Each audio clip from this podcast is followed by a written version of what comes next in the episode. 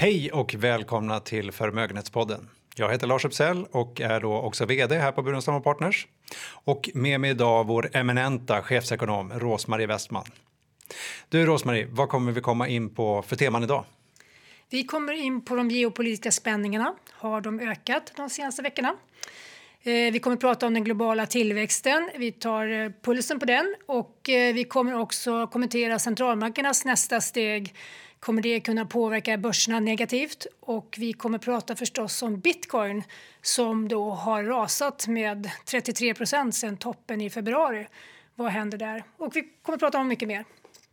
Eh, det låter som vi får ett fullspäckat program även idag. Men vi ska försöka hålla oss till våra 20 minuter, plus minus några minuter. Och eh, innan vi kör igång så tänkte jag ändå nämna då att det är den 18 maj idag och eh, att det är ungefär lunchtid. Eh, men om vi börjar då med geopolitiken. Vad, hur ser det ut egentligen? Det rapporteras nu om problem nere i Gaza. Eh, ökar spänningarna? Man kan ju tro att det gör det. Man har ytterligare en konflikt som blossar upp.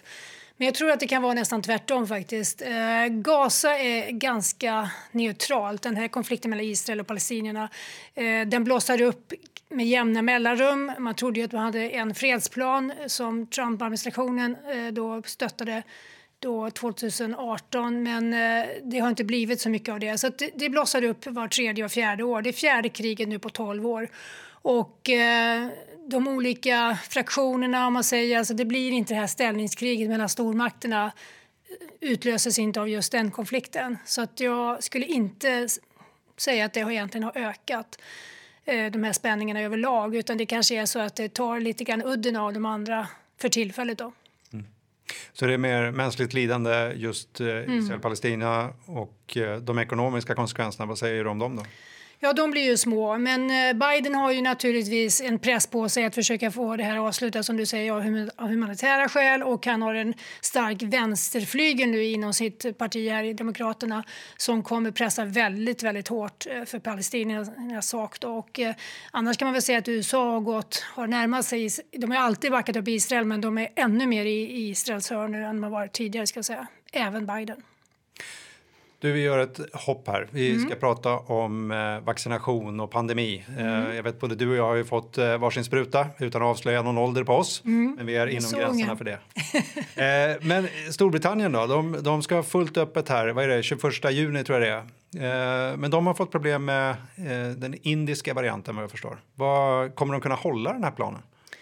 Ja, de är lite oroliga nu. De ligger väldigt, väldigt väl till i eh, vaccinationen. Men eh, de har ju vissa grupper vaccinerade som alla andra och vissa inte. Och man har ju sett nu att den här då indiska varianten den är ännu mer smittsam än den brittiska som i sin tur var väldigt mycket mer smittsam än den eh, ursprungliga. Så att eh, det finns en smittspridning i England nu som inte är så stor men som sker då bland de icke-vaccinerade. Eh, de har ju 40 procent helt fullvaccinerade och de har över 50 procent tror jag som har fått åtminstone en dos. Så de ligger väldigt bra till där men de vill snabba på det här ytterligare nu med vaccinationerna då för att inte få detta att det blir för utbrett. Då. Och eh, generellt kan man väl säga att hela världen är nervös nu för att med en sån stor spridning i Indien så kan det komma ytterligare varianter som är än mer elaka. Och det, det är som en ja, någon sa att det är som en petriskål där borta. Alltså det, där man, det är ytterst gynnsamt eh, utgångsläge för, för eh, den här eh, virusvarianten att mutera igen. Eh, och det gör den ju hela tiden. Alltså, men, men det är ett, I Indien? I, I, Indien. Och det sker ju på alla platser men alla blir inte lika dominanta. Och eh, det här är ett eh, ganska avgörande läge. det ser ju generellt sett mycket, mycket bättre ut i västvärlden och då tänker jag USA, Europa. Eh, för vi har ju fått igång vår vaccination och i Europa har man tajmat detta ganska väl så att man kan släppa på turismen då inför sommaren. Men ett uh, worst case scenario som uh, vi pratar om här egentligen, det skulle ju vara att det kommer en mutation som inte vaccinet uh, biter på, eller som, och som kommer då som en fjärde våg kanske till hösten då. Ja, det skulle kunna bli så, men jag tror också att restriktionerna mellan de stora geografierna, om man tänker Asien, och Europa, så kommer nog ligga kvar ett tag. Alltså, så att, eh, det kan bli effekten av detta, att man inte blir inte så mycket resande och det har vi inte heller haft eh, det är inte förespeglats det heller utan det är ju mer resandet inom Europa och sådär. Eh, vissa länder i Europa har ju öppnat upp för USA nu och sådär men det går ganska långsamt och jag tror att det framförallt kommer ligga kvar, alltså de här reserestriktionerna. Um, ja, vi får verkligen hoppas att det inte mm. blir något worst case scenario. Men uh, det här har ju, de uh, stimulanserna som har varit har ju påverkat och Eh, vi har fått eh, fart på ekonomierna, eh, men också på inflation. Det har vi varit inne på i podden tidigare. Och nu fick vi bekräftade siffror här både från USA och Sverige. Ehm, vad innebär det här för centralbankerna och i sin tur börsen? Mm. Ja, Sverige har ju kommit upp på 2,5 nu, så vi ligger över vårt mål och eh, det är vi ganska, alla ganska nöjda med. Jag kan tänka mig. I, I, USA gick det ännu snabbare, så de har ju varit eh, över eh, de är över 4% nu på, på det som man kallar för headline då, och underliggande är på 3 Så där har det tagit ytterligare ett skutt och det är inte så konstigt för det är ju de som, som stimulerar allra mest just nu. Och så det var ju delvis väntat men siffrorna kom ju in Eh, högre än förväntat. Ingen trodde att det skulle hamna på över 4 eh, och inte att den underliggande skulle hamna på 3 utan snarare på någonting på 2. Eh, man har ju sagt från centralbankens sida att man ska inte bry sig om det här. Det, man ser det som ett kortsiktigt scenario men när man pratar med näringslivet så ser ju inte de det här som kortsiktigt utan det här halvledarproblematiken som driver lite prisökningar där. Eh, det kommer ligga kvar i två år finns det de som tror. Och fraktpriser och annat, alltså alla insatsvaror, råvaror och allt vad det är. Det har ju en ganska tydlig eh, prisuppgång nu som ingen tror är speciellt temporär utan det kommer ligga kvar. Och eh, om du tänker på eh, sån här elektronik, det har ju alltid varit drivet på deflationssidan, alltså sänkt priserna men nu kanske det blir första gången på väldigt länge som de prylarna faktiskt går upp i pris. Eh, och då kan man ju mäta det med prestanda och sådär också. Men, men, det är i alla fall ett helt nytt scenario. Att det kanske blir en varugrupp som inte som driver på prisökningar snarare än tvärtom. Då. Men eh, stark tillväxt eh, brukar driva inflation. Eh, hur stark är ekonomin egentligen? Då? Ja, den drivs ju av de här eh, stimulanserna nu. Och vi har varit inne på det tidigare att det underliggande är väldigt, väldigt svårt att komma fram till vad det egentligen är nu då som är den underliggande. Men jag tror att vi ska bedöma hur eh, vad heter det, benägenheten att stimulera, hur den ser ut. Och den är ju fortfarande, skulle jag säga, ganska hög. Det finns ju de, kanske i Europa framför allt, som vill låta ekonomin sköta sig själv nu ett tag. För att när man öppnar upp så ska man kanske inte ha de största stimulanserna utan man låter väl det ske och sen ser man vad som hände och sen kan man komma tillbaka under hösten om inte det blev tillräckligt. USA är ju tvärtom, alltså man, man stimulerar, ju som allra mest kan man nästan säga nu när man öppnar under 21. Man har ju stimulanser som motsvarar 15% av BNP. Så att man får en eh, väldigt kraftig tillväxt i USA det är ju vad alla hoppas på. Och sen är ju det här vad som händer nästa år och om det ska, pys, om det ska bli en pyspunka av det här så att, eh, som, som märks då. Eh, så att det kommer kännas som en ordentlig inbromsning att vinsterna eh, då stagnerar eller, eller ja, det är inte samma vinsttillväxt nästa år som det har varit det här året. Det blir ju ganska klart. Och, eh, det är lite tidigt ännu. Det är inte så många som fokuserar på detta ännu. Men jag skulle säga att det kommer bli temat nu, tror jag, för det närmaste halvåret. Det är ju att försöka bedöma då hur ekonomin kommer att utvecklas nästa år när det blir betydligt mindre stimulanser. Sen en annan aspekt i USA det är arbetslösheten. Och, eh, den faller inte lika snabbt nu som förväntat men det kan vara en temporär effekt. Och, eh, det är många delstater som hävdar nu att de här arbetslöshetsersättningarna de är för höga. Så att man får inte ut arbetskraften helt enkelt. Alltså, eh, ut, utbudet av arbetskraft eh, är inte tillräckligt bra och eh, fungerar inte effektivt. Utan man eh, ropar efter arbetskraft i många delstater och då kommer de sänka sin arbetslöshetsersättning ersättning. Så vi kan få en sån här catch-up-effekt tror jag när det gäller arbetslösheten att den kan väldigt snabbt falla i många delstater när då man sänker ersättningarna. Och då får man då kanske högre inflation och eh, lägre arbetslöshet samtidigt. Det kommer nog påverka tror jag, marknaden också när det gäller räntor och så, ränteutvecklingen. Hur menar du att det skulle påverka räntan då? Ja, då får vi en mer tydlig ränteuppgång. Vi har ju haft en i början på året och den har stannat av. Vi är på tioåring på 1,65 någonting i USA. I Sverige är vi på no, ungefär 0,45. Eh, Tyskland som brukade ligga på minus 0,5 de är på, nu på minus 0,1 så de närmar sig även då. De närmar sig nollstrecket när det gäller tioåringen. Så eh, USA kan ju få räntor över 2% Det är inte svårt att se framför sig och det är ju Det hade vi innan krisen.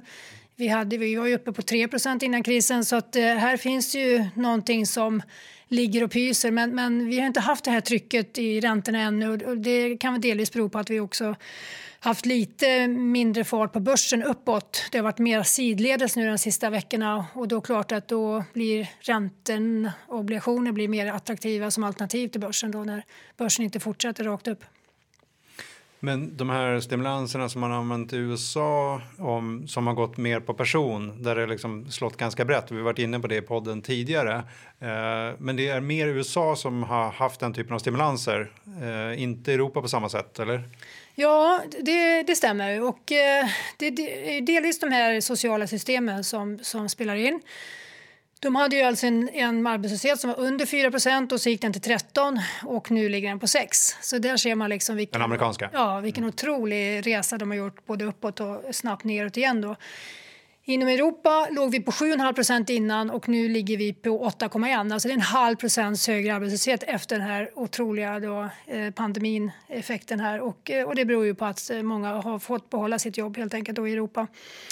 Eh, Sveriges siffror ser, är nog påverkade och att man har lagt om helt enkelt eh, rapporteringsteknik här så att alla säger att det går inte att titta på dem längre. Vi hade ju 6% innan, nu har vi 10 och det är antagligen inte så att underliggande har gått upp 4% i Sverige.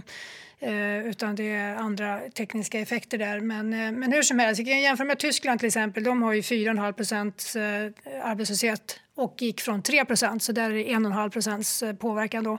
Men eh, det är ändå ganska förhållandevis eh, små siffror med tanke på vad som hänt. Och, eh, som du säger, då, i, i, USA inriktade man sig på checkar och det blev ju delvis en, en kraftfull effekt av det, men den är väldigt kortsiktig. Så de har inte gjort speciellt mycket för att få, eh, få ekonomin att fungera bättre eh, långsiktigt och det kommer bli kritiken tror jag i efterhand eh, när man tittar på Bidens paket. För nu, han vill ju göra bra saker nu som är långsiktiga men det är inte lika lätt att få igenom det. Så det här infrastrukturprogrammet som kanske lanserades för drygt ett år, eh, säg inte ett år utan en månad sedan det har ju gått i stå eh, och det är inte så konstigt. Alltså, men, men det finns hopp om att det blir någonting men det, det kommer ta tid helt enkelt. Du, vi ska prata lite om det nya och mm. framtiden kanske. Eh, kryptovalutor. Ja. Eh, vi, ha, vi gjorde en rapportering här tidigare om att Elon Musk eh, och eh, Tesla då gick in och köpte eh, en ganska stor summa eh, bitcoin. Och vad, vad, är det som driver? Nu kraftig nedgång som du sa. Mm. Vad, vad driver? Ja, det är intressant att du nämner det här köpet för det korrelerar ganska bra med utvecklingen. Eh, köpen tror jag skedde någonstans på 45 000 kronor, eh, dollar, ska det vara, 45 000 dollars nivån och eh, sen gick den ju upp ända till 64 000 dollar eh, och det skedde under ungefär, skulle jag tro, två månader eh, utan att ha varit exakt på den tidsperioden. Så att varje gång som Elon Musk har uttalat sig positivt så har ju den fått en skjuts och inte minst då när han köpte. Och förväntan var ju att eh, han, i det läget så sa ju, det var ju dels en investering för, för med, av deras likviditet och sen skulle man ju kunna handla Tesla-bilar i bitcoin och då var ju det en stor påverkan. Skulle fler bolag följa efter? Skulle till exempel Apple öppna upp för bitcoin och så vidare? Det skedde inte, men det har skett ganska mycket tror jag på till när det gäller på allokering och tillgångar. Så man har börjat prata ganska mycket om att det här skulle vara en naturlig del av en portfölj, inte några stora andelar. Med att, eh, och det räcker ju att många stora, om det nu är pensionsfonder eller vad det kan vara, köper lite bitcoin så blir det enormt stor press uppåt. Liksom. Och det är ju det vi har sett, de här från 44 till 64. Men nu är vi tillbaka på 45. Så att, eh, och det beror ju då bland annat på att eh, det är två saker som har hänt. Men det, det som har hänt på slutet här nu det är ju att Elon Musk har sagt att han ska inte längre acceptera eh, bitcoin för betalning av Teslabilar. Och, eh, och, Tesla själv går ju inte heller så bra utan de har faktiskt också gått ner lite drygt en tredjedel. Så, så det, det här korrelerar det här, inte i tiden exakt på något sätt men, men de har ju också toppat i februari precis. Eh, eh, ja, och, och, bitcoin har, har toppat senare än så. Men, eh, men hur som helst, det, vad han hänvisar till då det är ju inte att han ändrar uppfattning kanske om kryptovalutor helt och hållet utan han tycker däremot att det är fel att det går så mycket energi åt att eh, mina, som man säger, då, nya bitcoins. Och eh, det är inte heller bara grön el som går åt utan det är också annan eh, då, koldioxidutsläppande eh, energi, eh, alltså producerande energi som används i det här. Så eh, han tycker att det inte är hållbart. Och eh, det var ju intressant att han vände på den klacken så snabbt för det har ju en del kritiker försökt höja rösten här eh, under eh, några, i alla fall ett halvårs tid om att detta drar för mycket då, el och så. Men, eh, men hur som helst, vi, vi får se vad det här leder till. Och, ehm, det finns väl andra också förstås som har hävdat att det här inte är realistiskt att lägga över alla transaktioner i en annan valuta. Och så där, liksom det, det är, så, så den, det ifrågasättandet har ju funnits förut också. Men ehm, om kryptovalutor är en ersättning för det här som man kallar då våra papperspengar, alltså fiat currency kallar man ju det. Vi har ju en period nu när man Eh, man trycker mycket pengar, alltså det är det centralbankerna gör. De trycker pengar från ingenting och så köper de då statsobligationer och annat för det. Och eh, det ska ju enligt skolboken erodera värdet på valutorna och då är det här ett alternativ. Så det är många som ser det som ett, ett komplement till guldet. Och guldet har ju inte gått speciellt bra på senare tiden utan det här, det här är liksom nya guldet istället. Då.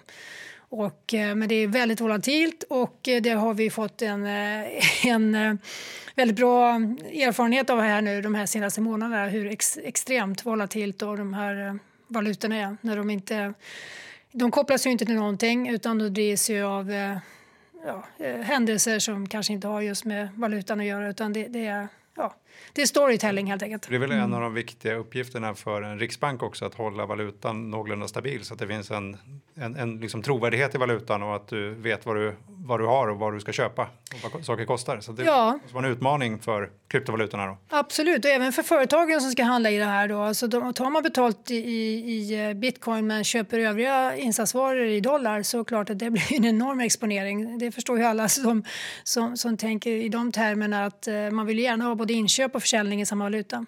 Mm. Men jag tror kryptovalutor är tillbaka som ett tema av och till i podden i alla fall. Ja. Tiden rusar, Rosmarie, och det är dags att runda av för idag. Vi har hunnit med mycket. Vi har pratat om risker för mutation när det gäller coronavirus och eh, inflationsrisker. Vi har pratat om den starka tillväxten i USA och även om bitcoin och eh, den lilla kraschen som har varit där. Men Rosmarie, om vi skulle ta, liksom, och, och, ta med oss en sak från idag, vad, vad tycker du är det viktigaste man ska ta med sig? Ja, förutom den ekonomiska tillväxten förstås så är ju det här med eh, vad centralbankernas nästa steg är. Vi har ingen faktor som har påverkat eh, aktiemarknaden mer positivt än centralbankerna. Deras köp av obligationer påverkar ju väldigt mycket likviditeten i marknaden. När de signalerar att de här köpen ska återgå till det normala, vilket vill säga inga köp, så kommer det påverka marknaden negativt. Och det, det, det är ett nytt skede då. Det tycker jag vi ska hålla koll på. Med det så tackar vi er lyssnare för att ni har lyssnat och eh, ber er hålla utkik eh, efter oss på sociala medier och kanske prenumerera på oss där poddar finns. Tack ska ni ha. Tack.